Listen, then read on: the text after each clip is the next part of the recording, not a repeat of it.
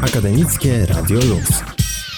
Dzień dobry, tu Michał Sołkowski. Drogie słuchaczki drodzy słuchacze, godzina pełna materiałów od reporterów Radia Luz przed nami. Dzisiaj w magazynie dzieje się o tym, jak pandemia może wpłynąć na stan naszych finansów, o możliwym kryzysie ekonomicznym, o magicznych 20%, o tym, jakie są korzyści z instalowania paneli fotowoltaicznych i czy jest metoda pobierania ekoenergii dobra na każdą pogodę. O tym z profesorem Uniwersytetu Przyrodniczego Przemysławem Bukowskim porozmawia Michał Wojciechowski. Jak uniwersyteckie tęgie głowy przydają się w walce z pandemią. Wieści z naukowego pola bitwy dostarczy Agnieszka Barbach. Będzie o nowym teście wykrywającym zakażenie dokładniejszym niż do tej pory i o specjalnej śluzie dezynfekującej dla medyków opiekujących się pacjentami. Śluzie, która powstała na Politechnice Wrocławskiej. Wkroczymy w świat mody. Do domu Givenchy zabierze nas Magda Barełko. Dom ów ma nowego dyrektora kreatywnego. Będzie m.in. historia o wykorzystywaniu kodów QR, by pokazać jaką drogę przeszła każda część ubrania,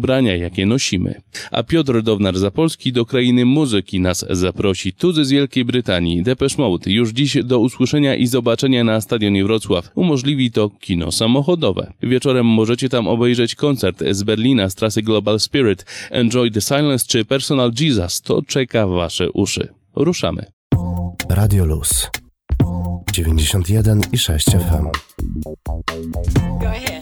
Agnieszka Barbach, zapraszam na newsy z polskiego pola bitwy z pandemią. Naukowcy z Instytutu Chemii Bioorganicznej Polskiej Akademii Nauk w Poznaniu opracowali drugą generację testu na SARS-CoV-2 o nazwie Medipan 2G. Przypomnę tylko, że pierwsza generacja powstała w marcu w oparciu o odczynniki wyłącznie polskich producentów i odczynniki własnej produkcji. Teraz test wykrywa dwa geny koronawirusa, dzięki czemu wynik jest pewny i łatwiejszy do interpretacji. Dodatkowo posiada unikatowy, dwustopniowy system kontrolny pozwalający na równoczesną kontrolę zarówno jakości materiału pobranego od pacjenta, jak i poprawności przygotowania materiału do testu. Takie zwiększenie możliwości w żaden sposób nie utrudnia i nie wydłuża całej procedury przygotowania. Test otrzymał pozytywną rekomendację Narodowego Instytutu Zdrowia Publicznego, Państwowego Zakładu Higieny i jest testem diagnostycznym do użytku w wykwalifikowanych ośrodkach diagnostycznych zaopatrzonych w możliwość analiz typu ilościowy PCR. Śluzę służącą do dezynfekcji personelu medycznego opiekującego się osobami zakażonymi koronawirusem skonstruowali naukowcy z Katedry Inżynierii Pojazdów na Wydziale Mechanicznym Politechniki Wrocławskiej. Konstrukcja, która ma zapewnić personelowi medycznemu lepszą ochronę przed zakażeniem, jest stosunkowo tania, jej zamontowanie zajmuje niespełna 3 godziny, a elementy służące do jej budowy dostępne są w niemal każdym sklepie budowlanym. Po złożeniu instalacja składa się z dwóch pomieszczeń, czystego i brudnego, oddzielonych przez szczelnie zamykane drzwi. Lekarz, opuszczając pomieszczenie, w którym przebywają zakażeni pacjenci, wchodzi do części brudnej, w której ściąga przyłbicę, skafander, maseczkę i rękawice, wrzuca rzeczy do kosza na śmieci i przeprowadza dezynfekcję. Po krótkiej chwili może przejść do pomieszczenia czystego, w którym znowu przeprowadza dezynfekcję. W miejscu, w którym pomieszczenie brudne łączy się z salą chorych, zamontowany został dodatkowo kołnierz z gumy. Obecnie naukowcy prowadzą badania, które pozwolą ocenić skuteczność śluzy. Wykonują przy tym analizę mikrobiologiczną powietrza na podstawie najnowszych norm bezpieczeństwa dla oczyszczaczy powietrza. Zespół naukowców z gdańskich uczelni razem z firmą biotechnologiczną BioVentures Institute opracował innowacyjną technologię pomocną w tworzeniu rekombinowanych szczepionek i leków biologicznych nowej generacji. Unikatowa na skalę światową technologia opiera się na konstrukcji nieistniejących w naturze białek i umożliwi tworzenie preparatów o podwyższonej skuteczności, w tym służących do zwalczania zakażeń wirusowych, bakteryjnych oraz komórek nowotworowych. Pomysłodawcą i głównym współzałożycielem firmy jest profesor Piotr Skowron, kierownik Katedry Biotechnologii Molekularnej na Wydziale Chemii Uniwersytetu Gdańskiego. Zarówno technologia, jak i wyniki dotychczasowych badań są chronione wieloma międzynarodowymi patentami. Planowane jest wykorzystanie tej technologii do prac nad szczepionką przeciwko SARS-CoV-2 oraz do tworzenia leków inhibitorów, czyli takich zatrzymujących rozwój wirusa u zainfekowanej osoby. Naukowcy ciągle pracują nad ulepszaniem tej technologii. Trzymajcie się zdrowo i zachowujcie dystans. Agnieszka Barbach. Radio Luz. Włącz się na 91 i 6 FM oraz na 916.fm. Jesteśmy dzisiaj z panem doktorem habilitowanym inżynierem Przemysławem Bukowskim, profesorem na Uniwersytecie Przyrodniczym we Wrocławiu. Dzień dobry. Co zmieniło się w energetyce w czasie pandemii? Oj, zmieniło się całkiem sporo, właściwie wszystko się zmieniło i co ciekawe pojawia się taka magiczna liczba 20%, dlatego że jak analizujemy te zmiany, to większość z nich właśnie zmieniła się o, o tą jedną piątą, więc o 20% w skali Europy zmniejszyło się zużycie energii oraz paliw, co ciekawe. Mniej jeździmy, mniej zużywamy energii, jest to trwały, zauważalny trend, który się pojawił w momencie wybuchu pandemii, czyli w połowie lutego. Następnie zmieniły się ceny, jak na pewno pan redaktor zauważył. Mniej więcej o 20% zmalał koszt emisji CO2, którego wprawdzie nie płacimy tak bezpośrednio, płacimy go, ponosimy te koszty pośrednio w rachunkach za energię, no ale faktem jest, że on spadł. No i zmalała mniej więcej o 20% cena węgla, a w efekcie także można przyjąć, że cena energii elektrycznej, czyli o 20% spadły ceny, o 20%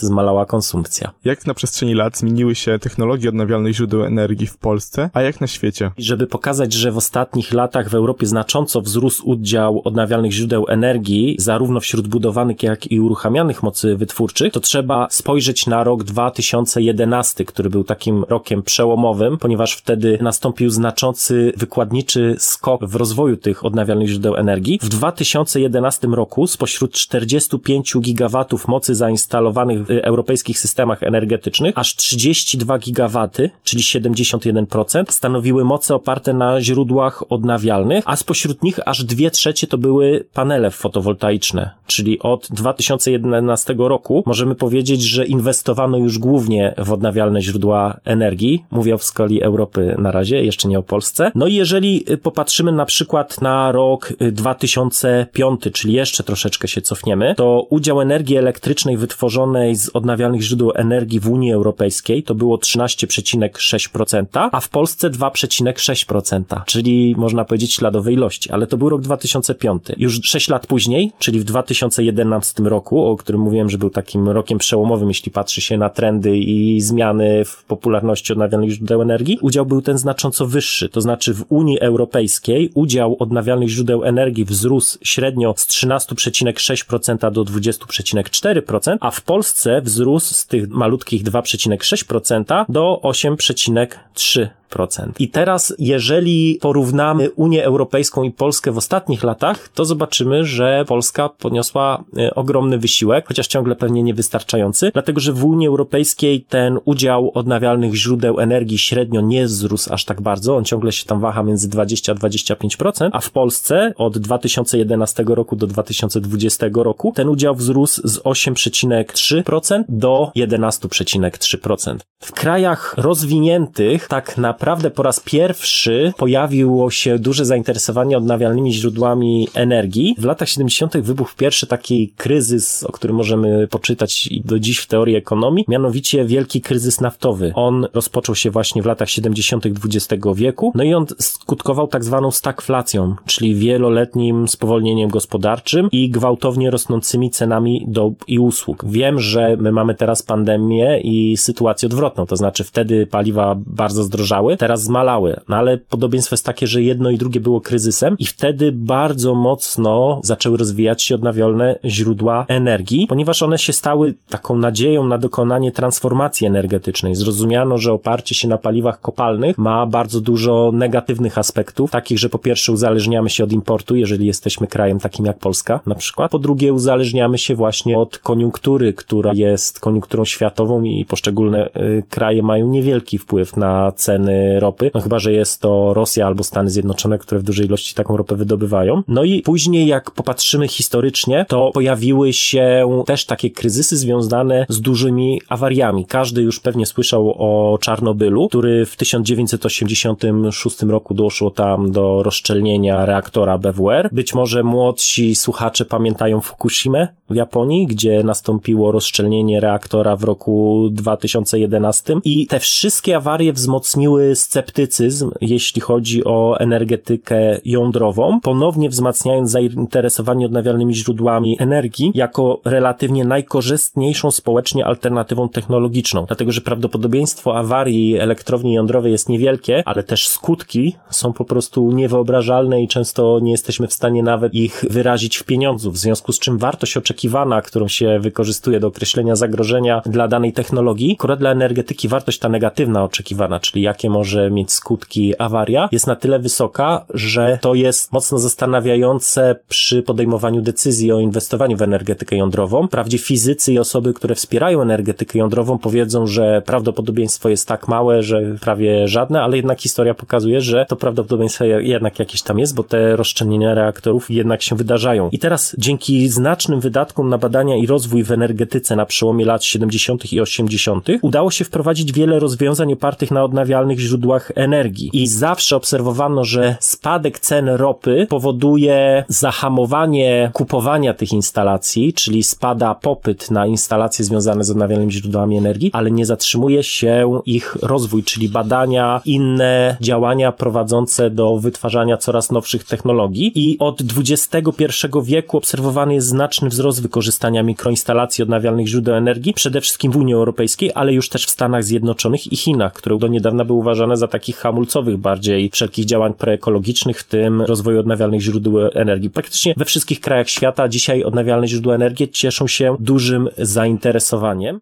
Jak ja widzę ten wpływ naszej pandemii, czyli naszego bardziej kryzysu gospodarczego, który już nas niedługo czeka, dlatego że widzimy, że rośnie inflacja, maleją wpływy do budżetu, rosną wydatki związane chociażby ze służbą zdrowia, więc wszyscy mówią, że czeka nas kryzys gospodarczy. Pandemiczny może przy okazji też, ale jednak najistotniejszy z punktu widzenia OZE jest jednak ten kryzys gospodarczy. I jeżeli popatrzymy znowu już nie ta, na tak odległą historię, rok 2008 to pamięta pan, był taki bank Lehman Brothers, którego upadek pociągnął za sobą ogromny kryzys gospodarczo-finansowy, bardzo mocne pogorszenie wskaźników rentowności w całym obszarze bankowości i finansów. No i wtedy mieliśmy ogromny kryzys, którego w Polsce aż tak mocno nie odczuliśmy, ale Stany Zjednoczone i te większe kraje Europy bardzo mocno go poczuły. I co jest ciekawe, ten kryzys nie zahamował mikrogeneracji, to znaczy ilość y, ogniw fotowoltaicznych montowanych w domkach jednorodzinnych, ilość alternatywnych źródeł, chociażby jak współspalanie biomasy, stale rosła, mimo tego kryzysu. I bardzo było dużo już takich obszarów, takich obszarów techniki i gospodarki, które wieściły koniec odnawialnych źródeł energii. Nie tak dawno na przykład y, w Stanach Zjednoczonych odkryto y, duże zasoby gazu łupkowego i opracowano technologię tak zwanego szczelinowania do pozyskiwania tego gazu łupkowego. No i wtedy też pamiętam artykuły koniec z odnawialnymi źródłami energii, bo jeżeli mamy tani gaz, to możemy mieć tani prąd i tak dalej. Nic takiego się nie wydarzyło. Gaz łupkowy nie jest wydobywany na taką skalę, jak prognozowano, ponieważ pojawiły się różne problemy eksploatacyjne i środowiskowe, w tym bardzo mocna degradacja środowiska w momencie wydobywania tego gazu łupkowego, a nie zmniejszyło się w ogóle zapotrzebowanie na technologie, odnawialne źródła energii, no i na oszczędzanie tej energii, bo odnawialne źródła energii trzeba bardzo umiejętnie stosować, najlepiej wiążąc je z efektywnością energetyczną. To znaczy, jak montujemy sobie panele na dachu, to dobrze by było przy okazji, żebyśmy zamienili oświetlenie na LEDy, czyli wtedy mamy tak zwane działania komplementarne, czyli one się wzajemnie uzupełniają, mamy efekt synergii i takie działania przynoszą najlepsze efekty.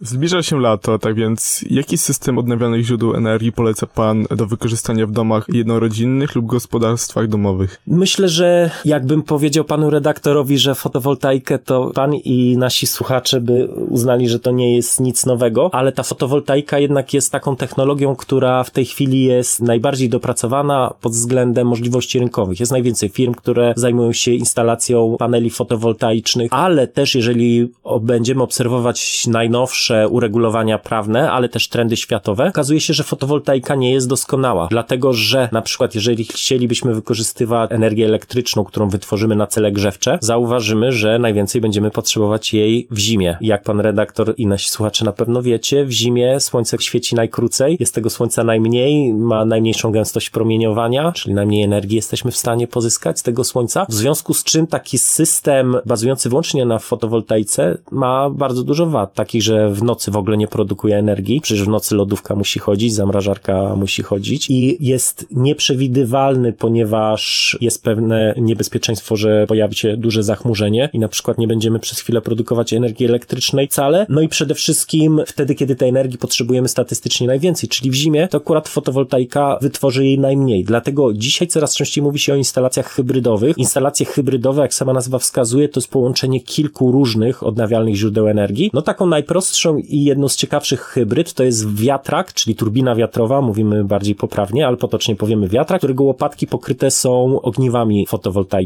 I teraz, jeżeli wieje wiatr, to wiatrak napędza generator. Jeżeli nie wieje wiatr, ale świeci słońce, to wtedy ogniwka fotowoltaiczne generują prąd elektryczny. Ale co ciekawe, mamy znowu efekt synergii, o którym już przed chwilą mówiłem, dlatego, że fotowoltaika generuje tym więcej energii elektrycznej i jest bardziej chłodzona. Wracające się łopaty wirnika bardzo dobrze chłodzą te ogniwa fotowoltaiczne, więc taka instalacja hybrydowa będzie produkować więcej energii niż jak gdybyśmy wiatrak i te ogniwa fotowoltaiczne zainstalowali zupełnie oddzielnie, więc jest to jeden z wielu przykładów. Bardzo też powoli zaczyna się mówić coraz więcej i w artykułach naukowych coraz więcej artykułów się pojawia, projektów, koncepcji, ciekawych rozwiązań dotyczących magazynowania energii. Ciągle wracamy do tego problemu, o którym mówiłem przed chwilą, że na przykład baterie fotowoltaiczne, ogniwa fotowoltaiczne produkują energię wtedy, kiedy świeci słońce, a w nocy na przykład nie. W tym momencie, jeżeli byśmy mogli zmagazynować tą energię, no to moglibyśmy bardziej dostosować się do zapotrzebowania energetycznego oraz także moglibyśmy, jeżeli chcielibyśmy zarabiać i sprzedawać tą energię, moglibyśmy y, zwiększyć nasze przychody poprzez magazynowanie, dlatego że większość taryf uzależnia cenę energii elektrycznej od momentów w trakcie doby. To znaczy najwyższe ceny notujemy w szczycie popołudniowym, a najniższe w nocy czy nad ranem. I teraz jeżeli byśmy produkowali z naszej instalacji hybrydowej energię elektryczną przez stałą dobę, moglibyśmy ją zmagazynować i sprzedawać wtedy, kiedy ona jest najdroższa, a najdroższa jest wtedy, kiedy jest na nią największy popyt, czyli jest największe zapotrzebowanie. Bardzo dużo fajnych instalacji powstaje związanych, znowu wracamy do tego wodoru, o którym już kiedyś rozmawialiśmy, przy okazji aut na, na wodór. Bardzo fajnie okazuje się, można magazynować energię przy pomocy wodoru. Baterie są nieopłacalne ze względu na ich stosunkowo niską pojemność energetyczną. To znaczy, żeby móc, na przykład tak obrazowo powiem, żeby móc zmagazynować prąd elektryczny generowany w naszej wrocławskiej elektrociepłowni przy ulicy Łowieckiej, to baterie kosztowałyby więcej niż cena tej elektrowni, no i musiałyby być zlokalizowane na obszarze około 100 hektarów, w związku z czym jest to niewykonalne. Oczywiście nikt nawet nie próbuje magazynować w bateriach czy akumulatorach dużych ilości energii, dlatego warto na przykład y, zrobić prostą stosunkowo instalację, mianowicie zakupić elektrolizer, zakupić zbiornik na wodór, to może być nawet szambo zakopane pod ziemią, czy jakiś betonowy zbiornik. Oczywiście wodór będzie wtedy uciekał, ale nie w jakichś ogromnych ilościach, tam szacujemy, że 3% dziennie. No i trzeba y, zakupić ogniwo paliwowe, które pozwoli zamienić tą energię wodoru bezpośrednio w energię elektryczną z bardzo dużą sprawnością, ponieważ tam jest tylko jedna konwersja energii. I wtedy, jeżeli mamy taką instalację, to jeżeli mamy produkcję energii elektrycznej, a produkujemy ją na przykład poza szczytem, to wtedy ją magazynujemy, czyli zasilamy elektrolizer, produkujemy wodór, wodór magazynujemy. Jeśli potrzebujemy tą energię odzyskać, uruchamiamy ogniwo paliwowe, wodór generuje prąd elektryczny. I taka instalacja może dalej bazować na fotowoltaice, ale już będzie zupełnie inną instalacją z punktu widzenia systemu elektroenergetycznego i tych problemów związanych z nieprzewidywalnością produkcji energii elektrycznej. Dziękuję bardzo. Był z nami doktor habilitowany inżynier Przemysław Bukowski, profesor Uniwersytetu Przyrodniczego we Wrocławiu. Dziękuję pięknie. Akademickie Radio Luz. Cześć, ja nazywam się Magda Baryłko. Czas na nasze cotygodniowe spotkanie z modą. Świat obiegła informacja, której oczekiwaliśmy aż od 10 kwietnia. Dom mody Givenchy ogłosił nowego dyrektora kreatywnego marki. Następcą Claire White Keller został Matthew M. Williams, założyciel marki 1017 Alix 9SM, popularny projektant, który jest związany raczej ze sportswearem niż modą wysoką. Co może to oznaczać dla Givenchy? Kim tak w zasadzie w ogóle jest Matthew Williams? To 34-letni amerykański projektant, który już w 2015 roku założył swoją markę nazwaną Alix. Choć wychowywał się w Kalifornii, obecnie mieszka we Włoszech. Twierdzi, że to właśnie tutaj musiał się znaleźć, żeby bliżej poczuć modę. Dosłownie poczuć. Dzięki zamieszkaniu w Europie, Williams zyskał możliwość produkcji najszerszej gamy produktów z najlepszych materiałów, których może dotknąć i lepiej zrozumieć. Nie posiada żadnego wykształcenia związanego z modą. Choć zaczął studia na kierunku artystycznym, podobnie jak Kanye West, rzucił je już po pierwszym semestrze. Najlepszego rodzaju nauki doświadczał poza szkolnymi murami. Pracował w butikach, obserwował projektowanie, ucząc się w praktyce czym jest bycie designerem. Uczył się także teamworku, który musi przejawiać się w licznych współpracach. Wydaje się, że to jedna z tych rzeczy, którą będzie lansować Williams. Szczególnie, że współpracował już z Kimem Jonesem, dyrektorem kreatywnym męskiej linii Diora Dior Homme. Czym jeszcze może zaskoczyć nas Williams? Osobiście liczę na zaangażowanie w świadomość środowiskową, którą lansuje od lat ze swoją marką. Nastawienie na eko, na jak najmniejszą szkodę dla natury jest jedną z ważniejszych cech projektowania 34-latka i daje ogromne nadzieje na zmianę oblicza tradycyjnych domów mody. Linie eko spotykają się z coraz większym entuzjazmem. Przemysł tekstylny jest drugim, najbardziej szkodliwym dla środowiska. W projektach dla swojej autorskiej marki Alix, Williams wykorzystuje kody QR do opowiedzenia o drodze, jaką przeszła dana część ubrania. Od materiału przez fabrykę, aż nawet po samą wysyłkę. Możemy dowiedzieć się wszystkiego. By podjąć współpracę z Williamsem, każda osoba lub firma musi podpisać kod etyki. Szeroko rozbudowany spis społeczno-ekologicznych założeń marki. Chyba wszyscy więc żywimy nadzieję na rozwinięcie właśnie tej gałęzi w Givenchy. Możemy także spodziewać się tego, że marka stanie się troszeczkę bardziej monochromatyczna. Takie luki to specjalność Williamsa. Z promocją ekologii i takich zachowań mogą przyjść także artyści, którzy uwielbiają projekty Alix. Od Lady Gagi, której partnerem przez jakiś czas był Williams, aż po Ace'a Brockiego czy Kaniego Westa.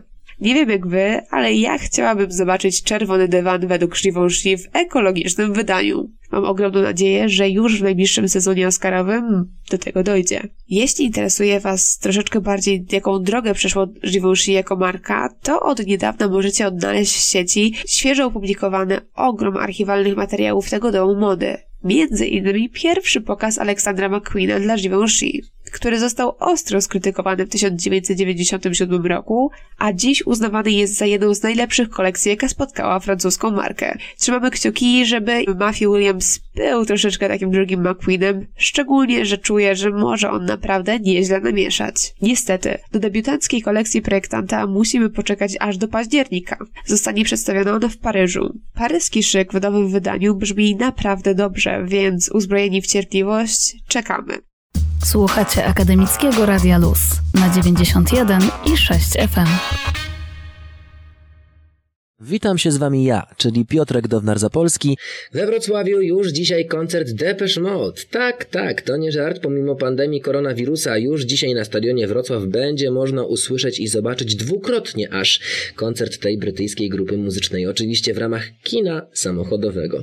Ale jednak, stadion Przypominam, że jest to ogromny ekran o powierzchni ponad 1500 m2. Klimat wciąż ten sam. Ogromnej imprezy muzycznej. No i doskonała muzyka i obraz. Już dzisiaj wyświetlone zostaną zapisy dwóch berlińskich występów depeszów z trasy Global Spirit. Wstęp wolny, ale ilość miejsc jest ograniczona. W kinie samochodowym na stadionie Wrocław zapis koncertów zostanie pokazany dzisiaj o godzinie 22.30. Oznacza to, że będzie go można zobaczyć przed zaplanowaną na 26 czerwca światową premierą specjalnego wydawnictwa zespołu, które zawiera cztery płyty, dwie z wideo i dwie ze ścieżką dźwiękową. Dyski wideo zawarte w pakiecie to relacje z dwóch koncertów w amfiteatrze Waldbune, które jeszcze nigdy nie były opublikowane w całości oraz film dokumentalny Depeche Mode Spirits in the Forest ustanowiło nowy złoty standard w kategorii filmów koncertowych.